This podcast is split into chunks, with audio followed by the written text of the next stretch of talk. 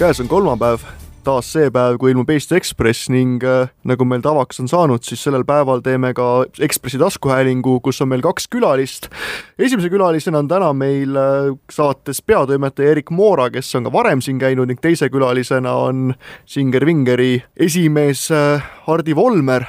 avateemas räägime presidendivalimistest on meil tänases lehes siis pikem lugu äh, uutest intriigidest presidendi kampaanias ning selle liidi esimene küsimus kõlab, et kas Reformierakond teeb Eiki Nestorist uue presidendi. Eerik Moora, kas äh, selline küsimus võib lõpuks tõeks osutuda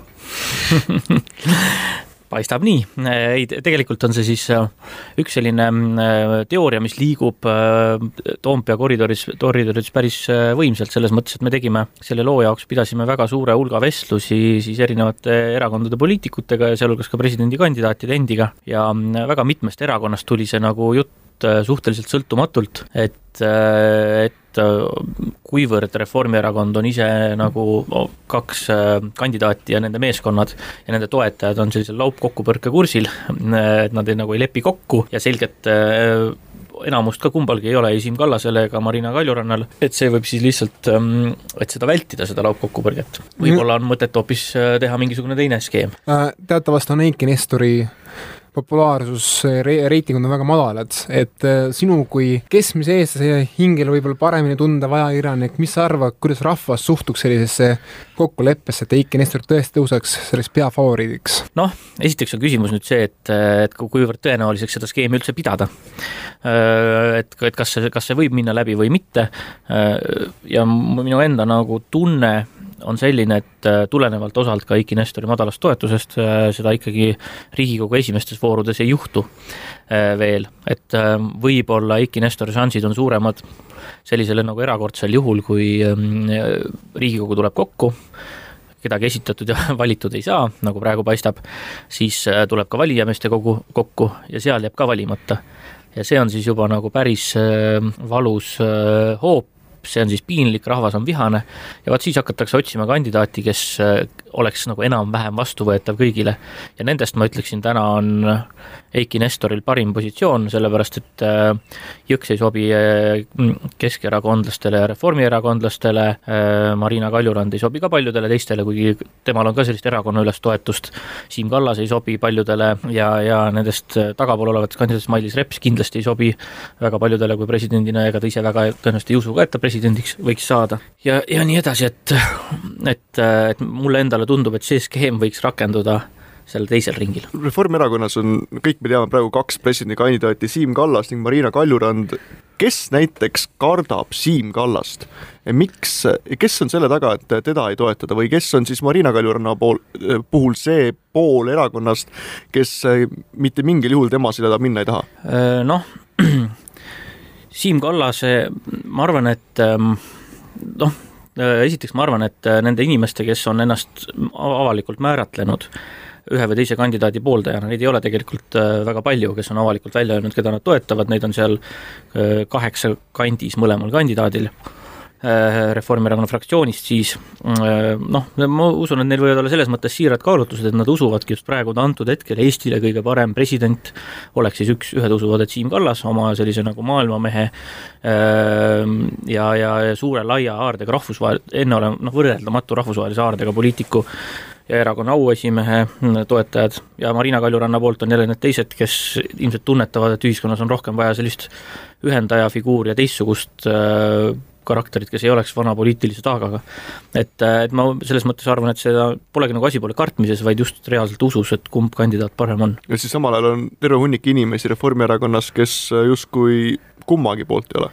ja on terve hulk inimesi, umbes kolmandik on see niinimetatud soo, kes äh, ootab äh, siis erakonna otsust, kes on valmis toetama mõlemat, et seal ei olegi sellist nagu selget polariseerumist, et kas ainult Kaljurand või ainult äh, Kallas. et, et pigem on see hoiak jah, neil praegu selline, et mida seal võib nagu välja lugeda ja mida mõned ütlevad, on see, et, et noh, et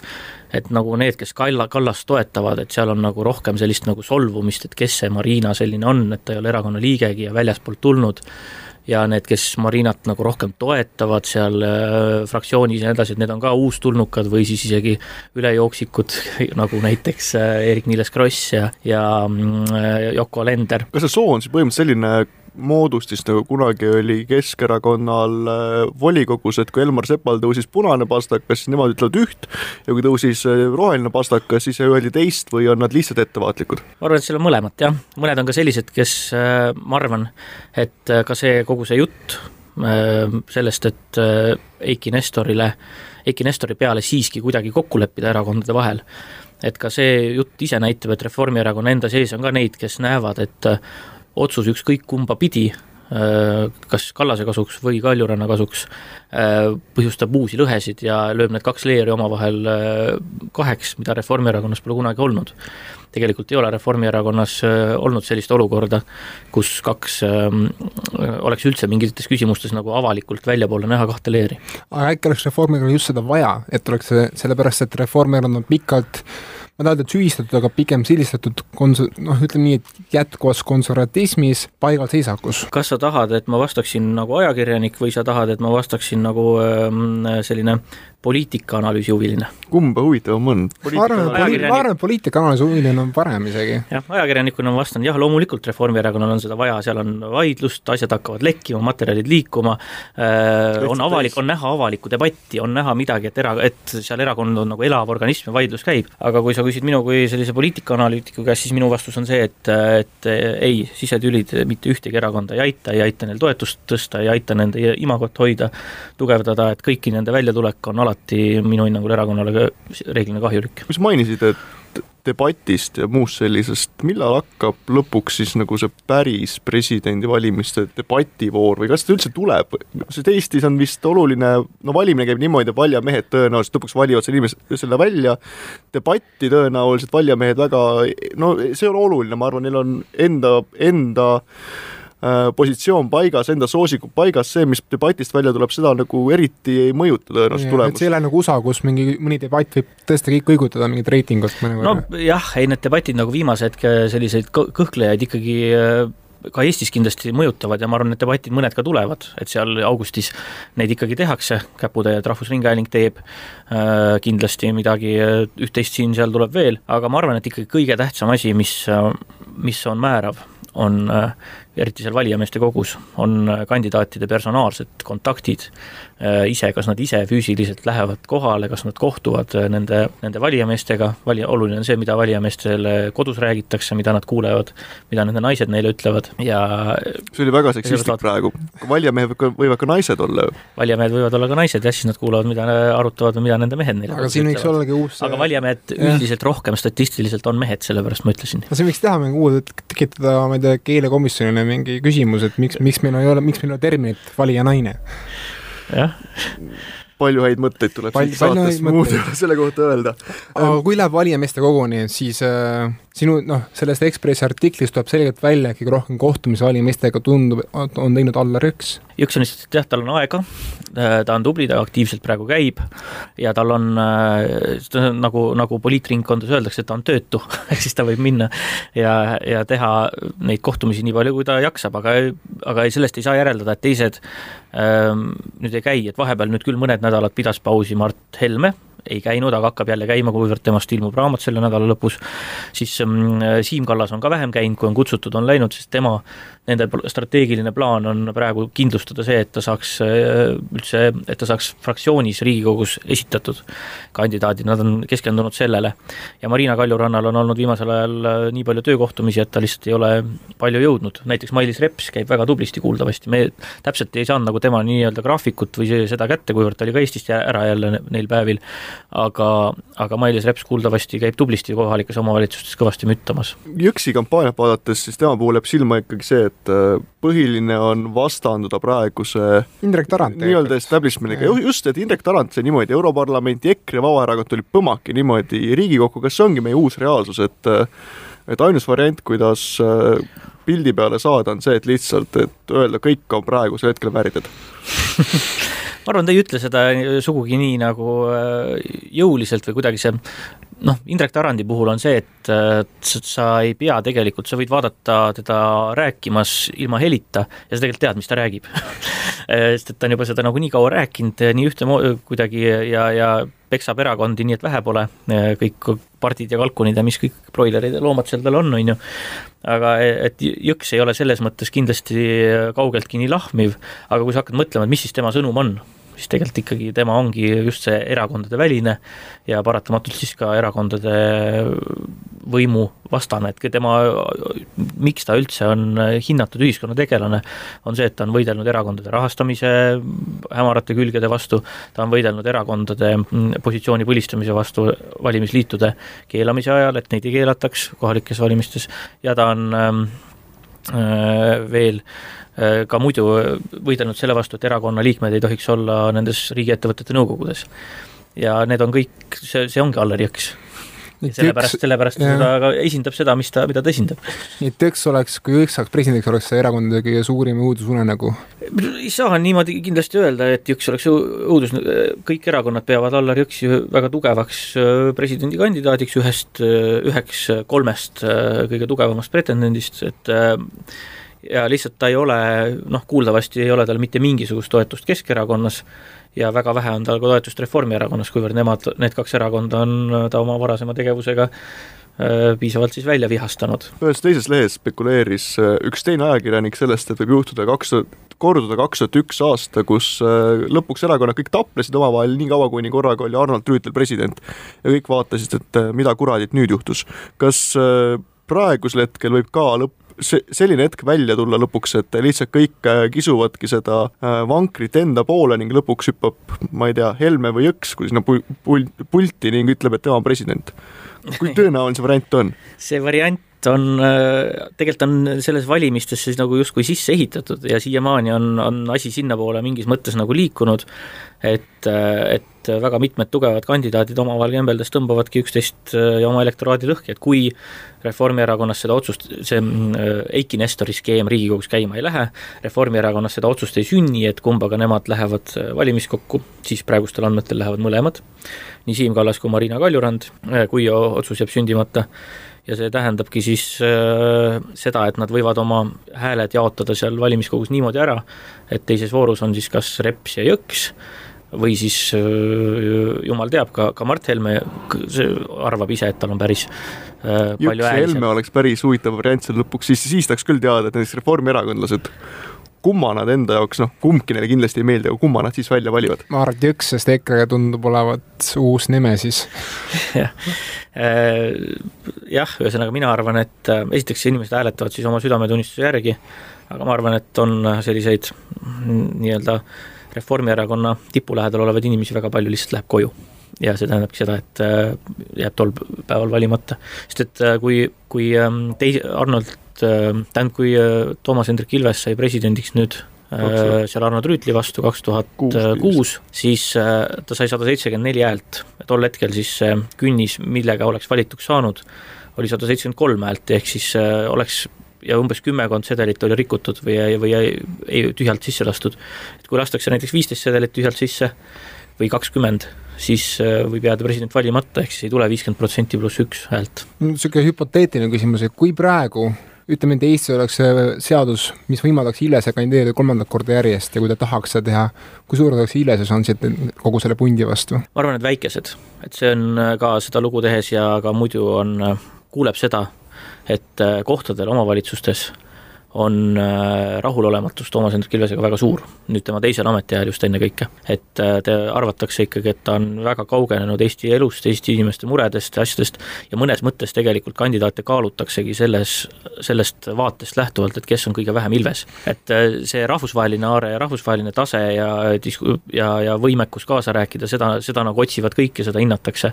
aga, aga selles nagu kohaliku kontakti ja inimestega suhtlemise ja Eesti inimestesse suhtumise küsimustes ma arvan, et on hea pealootus nendel, kes on tunduvalt rahvalähedasemad. veel üks hüpoteetiline küsimus, kui Marina Kaljurand on nüüd pidevalt pildis igal pool ja temast räägitakse väga palju, ta on väga populaarne ning ütleme, ta jääb selle Nestori skeemi järel näiteks siis presidendi kohalt välja, ta liit-, lubas liituda vist Reformierakonnaga pärast seda, kui ja. äh, presidendivalimised on läbi äh, ja kui teda valita. kas see tähendab seda, et äh, Marina Kaljurand on korraga selline subjekt Reformierakonnas, kes on täiesti üüberpopulaarne, hiiglama populaarne ning kelle järgi peab siis hakkama ka Reformierakond ennast kas muutma või temaga rohkem arvestama? vot ma nüüd ei tea, kui palju Marina Kaljuranna järgi Reformierakond aga kui tõesti on selline äh, inimene, kes viisteist tuhat häält ära tooks näiteks, no ütleme teoreetiliselt, siis ikka peab ja. vist arvestama küll. aga ma arvan, et see on Marina Kaljuranna strateegia osa algusest peale, selles mõttes, et ega tal ei ole ju presidendi kohta tagatud, ongi tegelikult raske Reformierakonna kandidaadil presidendiks saada, et see kõik see populaarsus ja selle asja suurem plaan ongi see, et kandideerida võib-olla juba järgmistel kohalikel valimistel, kuigi tal ei ole kohalikku profiili, aga kindlasti kandideerida Riigikokku, olla mingi ringkonna esinumber, olla väga tugev pretendent äh, Riigikokku, et see on ka see asi, mille, millele kampaaniat tehes juba mõeldakse. ja ma, ma lihtsalt ei saa aru, et miks peab Reformierakond hakkama kuhugi poole väga painduma, et kuivõrd Marina Kaljurannal ei ole mingit teadaolevaid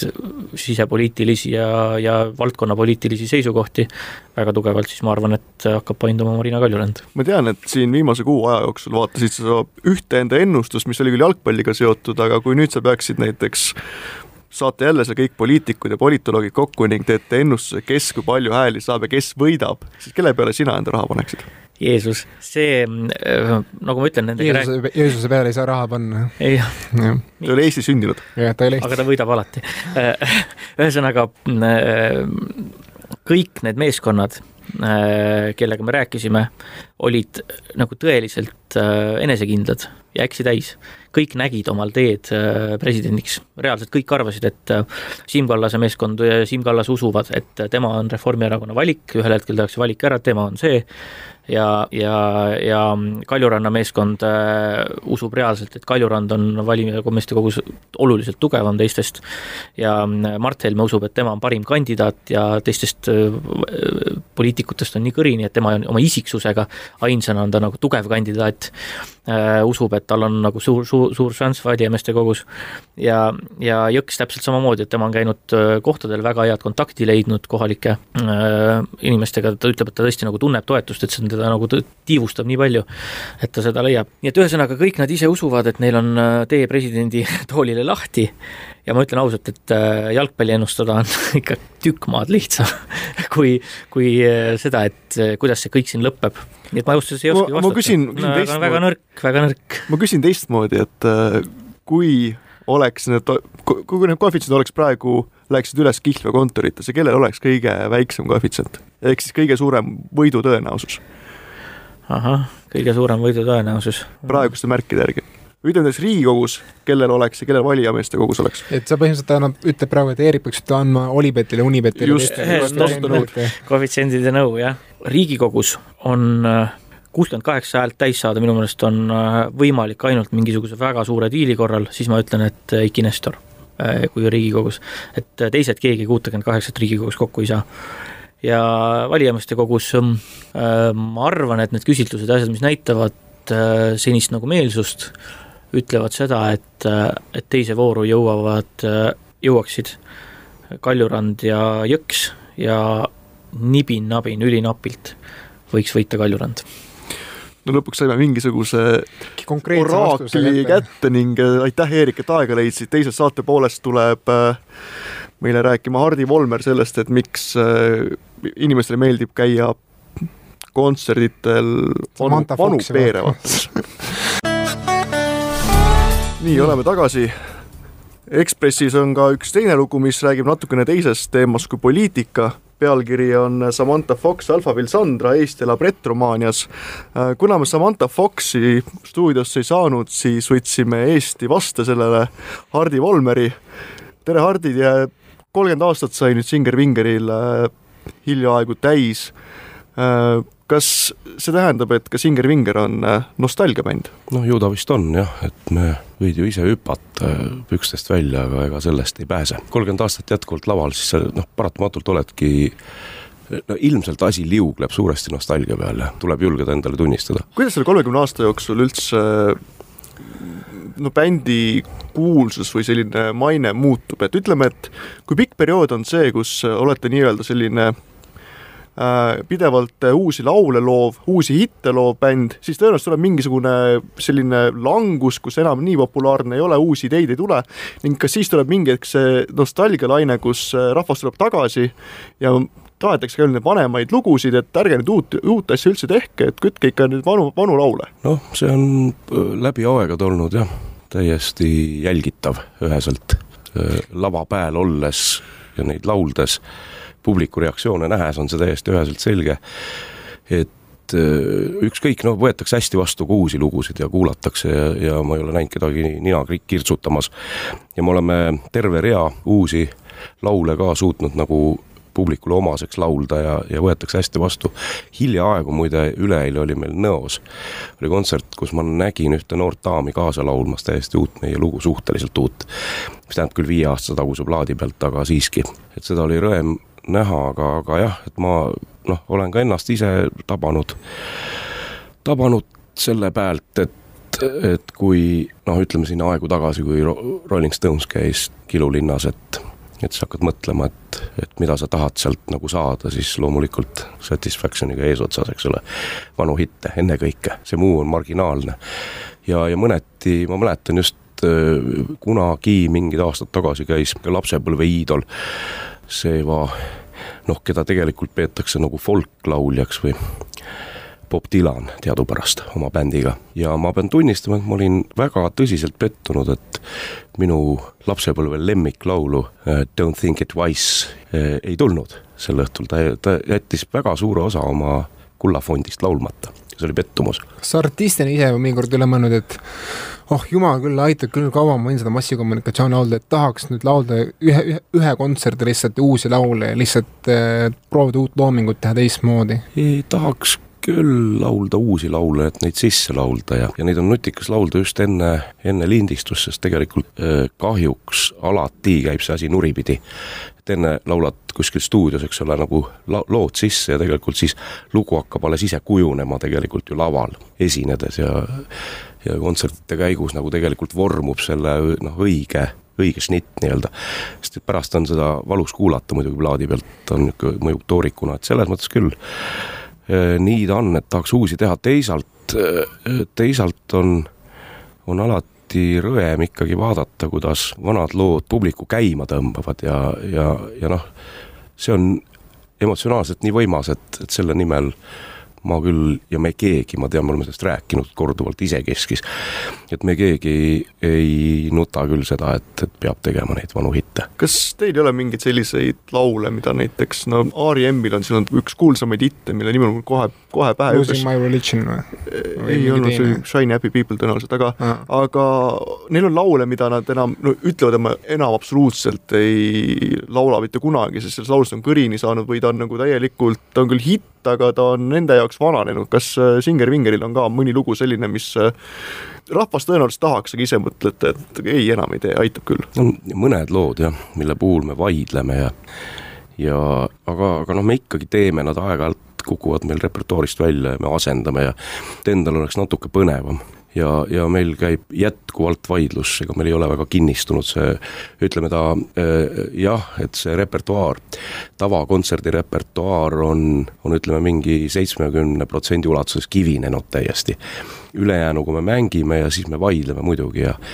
ja mina nõuan, et äh, Rollu laulaks Ainot, sest et midagi ei ole teha, rahvas nõuab Ainot muide ja, ja, ja see annab mulle üksiti võimaluse puhata natuke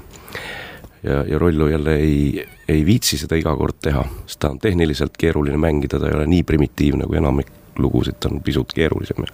ja noh, sellised vaidlused käivad jah, aga aga üldiselt äh, need ma ei tea jah, millega need bändid ilmselt ei riski ka eriti millegiga vist kaotada publikut, kes julgevad mm, noh, deklareerida, et nad ei viitsi oma vana repertuaari teha, teha ja ja kuulake uut ja sunnivad ainult uut kuulama, ei tea. meie öö, oleme võtnud täiesti üheselt selle suuna, et me igal juhul ei, ei ürita publikule pettumust valmistada. ja loomulikult laulame uusi lugusid, aga see on muu repertuaari osas ikkagi marginaalne, ütleme kahekümnest, kaheksateistkümnest, kahekümnest laulust on, on ütleme viis on uued kuidas on kolmekümne aasta jooksul näiteks Singer Vingeri publik siis muutunud, et kas äh, on ikka selgelt näha, et äh, publiku seas on selline no muidu igapäevased pintsakud lipsu kandvad inimesed, kes nagu punklaulu peale minnes panevad, otsivad kusagilt kitsaks jäänud nahktagi üles ning panevad selle selga või on, või nii üheselt seda mainida ei saa, et justkui publik oleks selline nostalgitsema tulnud äh, inimmass. võiks küsida niimoodi, et kas publik vananeb koos teiega? ütleme nii, et äh, nendel kontserditel, kus, kus on avalik esinemine ja on välja kuulutatud, et see on Singer Vingeri kontsert, neid on ju vähe, muu on kõik tellimusvärk, eks ole. et mis vaid. aga, aga seal, kui see nüüd ööklubi ei juhtu olema, siis sellistel kontserditel on, on jah näha, et et valdav enamik on kuskil meie eakaaslased, sinnakanti, eks ole, ma, ma just mõtlengi eakaaslased selles mõttes, et meil on bändisiseselt on ju vanusevahed küllaltki suured tegelikult, nii et, et täpselt selle, sinna vahesse nad enam-vähem mahuvad aga noh, mitte ainult, eks ole, aga see on ilmselt valdav hulk on siiski äh, neid nostalgitsejaid nii-öelda. mina olen kunagi näinud Singer Vingeri kontserti sotside valimispeol näiteks, kuhu kohta teid veel toredatest üritustest kutsutud on, kas on mingi selline, no ma ei tea, Valga autobaasi veteranide kohtumine ka olnud või on ikkagi enamasti sellised valgekraelised kohad? Patari vangla Rein. on, on, on seinast seina, on täiesti seinast seina, et, et päris noh, ütleme nii, et jah, päris kurioosseid selliseid Äh, inimkooslusi ei ole meid küll kutsunud, me oleme teinud mööndusi, olen, oleme esinenud harva küll, aga juubelitel näiteks, mis on omamoodi isegi tore, sest need inimesed on kõik enam-vähem need, kes noh, aktiivselt igatsevad meid seal näha, nagu ma olen aru saanud. aga, aga jah, no ja, ja siis veel tuleb äh, möönda seda, et, et tegelikult on ju suuresti tegemist nimepäevaga kolmekümne aasta puhul siin. et kui ei oleks sunnitud nimevahetust olnud, eks ole, et siis ju äh, Singer Vingeri nimi sündis sellest, et keelati ära äh, kuulus ansambel Turist, et siis oleks mingi kolmkümmend kolm praegu ees ja, ja seda me ikkagi noh, nagu üritame ka publikule meelde tuletada, et nii on. kas äh, Singer Vingeril on praegu ütleme noh, nostalgiaartist, nagu te ise möönsite, et kas praegusel hetkel siis on publikut näiteks äh, rohkem ka, kui mõningatel teistel perioodidel on bändil olnud. et kas need kontserdid, vähemalt tundub, et kui Singer Vinger nagu nimeliselt esineb kusagil kontserdil, siis ikkagi saalid on enamasti nagu päris täis. sest Singer Vingeri laule teavad praktiliselt noh, oleme kõik sellega üles kasvanud. aga kas näiteks, kui ikkagi olite ma ei tea, nooremad tegijad, kui palju siis seda publikut oli, kas on praeguse massiga võrreldav? no nii ja naa, sest et, et kui me nüüd meenutame nõukaaega, eks ole, et just neid kaheksakümnendate teine pool, et, et siis, siis oli tung oli väga aktiivne, aga, aga samas, samas ei juletud ju väga laialt kuskil kuulutada ja see, need olid väga lokaalsed peod tavaliselt, sest mingit massiivset reklaami nagu tänapäeval ju ei olnud ega saanudki olla. sest pigem seal mingid kõrgkoolid ja, ja kooli juhtkond üritas seda nagu võimalikult maha vaikida, et et mis bänd ja kust ja kuidas ta tuleb ja millal esineb ja seetõttu olid, valdavalt olid jah, lihtsalt selle tõttu oli, oli publiku huvi oli, oli massiivne, aga publikut ennast oli tavaliselt vähem kui, kui üldjuhul praegu. ja muidugi kõik see päädis ja, ja ilmselt eh, kõik me mõtlesime, et nüüd ongi see punkt, kus noh, võib nii-öelda joone alla tõmmata ja juba ühte-teist on tehtud ja las ta siis olla, oligi üheksakümnendate algus. Et seal vist kas üheksakümmend või üheksakümmend üks oli praktiliselt see aasta, kui peaaegu et ei olnudki esinemisi. Ja me olime täiesti rõõmsalt valmis uskuma, et siiani ja see, mis meid siia on toonud, enam edasi ei vii meid siit. aga ennäe, ja siis tegid Rollu ja Mihkeli oma bändid ja et see oli mingi täielik sogatikk pikk ja hästi kummaline, nagu me kõik teame, et niisugune üsna, üsna närune periood üldse suurte bändidega, eriti ei olnudki laval midagi teha, sest et disko tuli peale ja disko oli odavam. Teie nostalgiamenukas saab võrrelda kohati näiteks vennaskonna Ultimate Hoolega ja teistega, kes olid üheksakümnendates ja kaheksakümnendates pigem tegijad, et mis sa arvad, kas praeguste noorte lemmikud, ehk siis Koit, Ott, kas, kas ka nemad on tulevikus kümne aasta pärast juba nostalgiaartisti või siis võis neil on veel sinna veel minna pikk, pikk maa? jah, ma arvan küll, et et võib-olla Otil veel vara nii-öelda seda,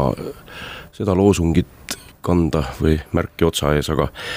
aga mis Koitu puutub, ma arvan küll, et need Koidu päris varajaste aastate hitid, mis juba praegu eks nostalgia. ole ju et, et täpselt. ise, isegi mina juba noh, vaatan, hea küll, ma ei käinud aktiivselt mingitel pääsnikutel tol ajal, eks ole, kui nooruke Koit laulis seal Code One'iga. jah, näiteks, aga noh, seda kedrati, neid tuli raadiost ja siit ja sealt ja jäivad meelde ja ja, ja see on vaieldamatult öö, nostalgiline öö, emotsionaalselt. samas Koit vist ise nagu ma vähemalt ei tule meelde, et oleks Code One'i hitt äh, meeleldi esitanud, ta on ikkagi pigem ei, ta käis ka teeb, retrofestil jah. või kuskil sellisel esitas neid Code One'i lugusid, nii et tolmas selles mõttes, et ta juba täitsa läheb sinna alla, samas kas äh, nojah, räägitakse ta, ta, ta ei ole bänd, eks ole, ta on Jah, sooloesineja nagu Otki jah just nagu, nagu tulevased äh, Max ja, ja If, eks ole. aga kuidas nagu üldse nagu vaadata, praegusel hetkel öeldakse, et äh, popmuusika on nii killustunud lihtsalt, et äh, kaheksakümnendatel aastatel, kes oli superstaar, see ikkagi oli igal pool teada-tuntud staar, praegu näiteks äh, no ma ei pruugi kuulan praktiliselt kakskümmend neli tundi ööpäevas muusikat, aga ma ei pruugi näiteks top kümne artisti isegi teada, sellepärast ma lihtsalt saan neist mööda vaadata, kas see tähendab seda, et tegelikult tulevikus nostalgiaartist olla on tükk maad raskem, sellepärast et või ütleme vastupidi, kui praegusel, praegu populaarset või ütleme top kümne artistil näiteks kahekümne aasta pärast tõenäoliselt äkki ei mäletatagi teda enam nii hästi, sellepärast et äh, neid artiste tuleb nii palju peale kogu aeg. Neid tuleb palju peale ja, ja see on ikka see jätkuv häda, mis meil igas vallas on. on hästi palju andekaid tegijaid, aga inimesi on vähe. ja nišitegija jääbki nišitegijaks ja, ja võivad olla täiesti, täiesti geniaalsed muusikud ja lauljad, aga ütleme, võib-olla et neid ei haibita, on võib-olla veidi keerulisem või noh, raske, see on eraldi analüüs, eks ole, mis seal taga tegelikult veel on, eks ole, aga peale selle, et, et, et sa võid tegelikult võtta üsna viletsa öö, mingitel standarditel sõitva sellise mitte midagi ütleva poploo. kui sa ketrad seda telekast ja raadiost hommikust õhtuni, eks ole, siis lõpuks ra- rahvas hakkab, mingi suur segment rahvast hakkab seda armastama ja, ja nõuab ka vanast peast, et vot see oli üks ilus lugu. et, et see on niisugune noh, iseenesest niisugune kentsakas, kentsakas öö, süsteem, tähendab, kuidas, kuidas nagu öö, tavainimesele hinge sõita. aga, aga samal ajal jäävad väga, väga paljud nutikad asjad jäävadki kuskile sinna äärealale ja, ja Eestis, Eestis on nad kiired välja surema, sest et lihtsalt mujal, ütleme seal, kus on tõeliselt noh, suur publik taga, seal ei ole mingit probleemi. et sellised huvitavad nišitooted nii-öelda elavad oma elu ja, ja saavad täiesti toredasti hakkama ja aga, aga jah, et Eestis peab olema ikkagi piisav kriitiline mass sul taga, kurat, et ellu jääda. mul tuleb meelde praegu see reklaam, kui ta rääkis sellest ketramisest, siis mulle meeldib, et kusagil kontserdil nõuti Maarjalt Coca-Cola reklaami tunnusmuusika esitamist, mis oli mingi see endale, su sõbrale, eestlastele, et teistele. seda oli telekast tulnud. et seda oli hästi palju telekast tulnud ja siis ikkagi jäi meelde väga hästi, et no siin loos on kirjas, et tulevad meil igasugused Samantha Foxid ja Kim Wildid ja Sandrad, noh Sandra oli kunagi ju meeletu, meeletu staar, et no skuuter, no Scooter natuke aega hiljem, ma tahtsin küsida, et kas kaheksakümnendatel aastatel oli mingi selline lugu ka, mis teile nagu no, nii jõhkralt närvidele käis, aga mis oli ääretult populaarne? kas Effer Davidi Words näiteks, see on minu arust no no, suhteliselt tüütu lugu. küllap oli jah, küllap oli, aga ei, ma, mina ei mäleta täpselt, et et selles mõttes kõik see, see nostalgia värk ongi ju, põhineb ju tegelikult äh, inimese selektiivsel mälul, eks ole ja üldiselt kipub negatiivne sealt nagu kiiremini kustuma, üldjuhul, kui see ei ole noh, üliemotsionaalselt võimas olnud, et, et see mingi negatiivne kogemus. et, et siis, siis ta nii on, et jah, et see positiivne jääb peale ja, ja pigem ma võin jah ette lugeda neid lugusid, mis tol ajal mulle tähtsad olid ja, ja mida noh, ise vilistasid ja oli,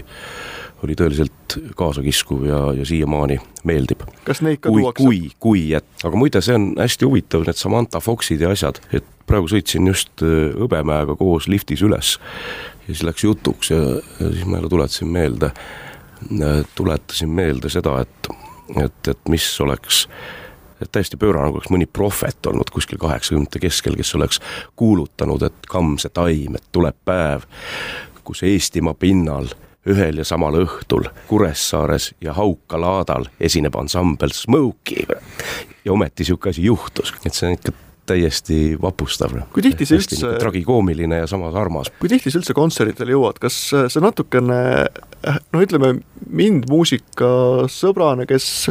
kes väga nišitooteid alati ei kuula, aga tahaks ka midagi sellist toredat kuulata, siis äh, natukene häiriv on see, et nüüd justkui ongi ainsad sellised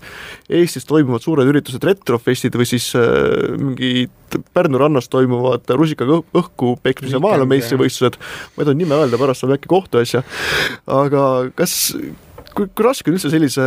Kim Wilde'ide, F.R. Davidite äh, kihi alt leida sellist, äh, noh, sellist, sellist kontserti, kuhu ise ka väga hea meelega läheks äh, selliste välisartistide poolest kas või, või neid üldse ei julgetagi praegusel hetkel tuua, sest kindla peale minek on see, et sa tood F.R. Davidi ja on asi korras. raske öelda jah, ma, neid on ikka vähe, selliseid kontserte, kuhu tahaks kangesti minna ja ja väga paljud jäävadki käimata ja siis on nagu kahju ja, ja puhuti tuleks nagu sõita lähivälismaale, et osa saada, noh hiljaaegu oli vaata, et Black Sabbathi viimane kontsert, ma ei ole neid elavast peast näinud. ei oleks raske olnud Riiga minna, aga noh, ei saanud sel päeval ja ja ka Helsingisse mitte ja nii edasi, nii edasi, et, et see, mis on tõeliselt tähtis ja oluline, see sagedasti noh, jääbki nägemata, midagi pole teha, et ega ma sellest väga, väga hullusti ei põe, aga aga las need Samantat käivad ja Eifertid ja Sahvertid ja mis nad on. aga, aga jah, kurb on see, et, et see, mis sa mainisid, eks ole, et see fenoomen tegelikult hoiab eemal nagu andekad Eesti noored muusikud, et, et noh, nende jaoks on skeene väike, et ei ole kuskile tõusta tegelikult, et see, see tegelikult tekitab ju seda, et et võetakse mingit üsna banaalset üleüldist massimusa ja, ja seda eelistatakse, seda topitakse rahvale kaua topid, eks ole, seal on see miljoni kärbse efekt, et see, hakatakse seda nõudma ja, ja, ja, ja väga kihvt ja, ja originaalne jääb marginaalseks samal ajal. mina loodan ka, et tule, et lähiaastatel korraldajad palkavad Untsaka tasemel palju rohkem Frank Animali ja, ja teisi tõhusaid noorteartiste. no untsakad untsakateks, aga no ma loodan, et skuuter iga aasta enam Skuuteri ei jõua meile ja Smokey ka ei tule Intsikurmust enam mängima. mis on muidugi kindlasti väga ebapopulaarne arvamus teatud kuulajate seas, aga noh, las ta olla. igatahes suur aitäh, Hardi Volmer, et äh, aega leidsite ah,. sellega seoses, kui, kui nüüd jätkub ja mahub siia veel, tuli, tuli meelde paar aastat tagasi sõber töötab, üks Eesti nukufilmi isakene töötab nimelt Volda Norras, Põhja-Norras on üks Volda linnakene. Ja seal on animatsiooniosakond, kõrgkoolist on selle juhataja ja siis saab seal aeg-ajalt tal külas käia, seal on ikka väike üliõpilasfestival ja üks aasta sattusin sinna paar aastat tagasi ja seal oli siis selles tillukeses ülikooli linnas oli siis suur tohutu üritus oli, sattusin õnnelikult minu sealoleku teisel õhtul, esines kohalikus üliõpilasklubis Boni M ja ma nägin selle ära, et see oli tõeliselt tore. Just, suur aitäh, Hardi, et tulla said. mina, Tannar Leitmaa ning Otto Oliver Olgo tänavat teid järgmine nädal uuesti ning saate lõppu. Ei hakka ma seekord nädala plaadid midagi panema, paneme Samantha Foxi ainsa kuusa loo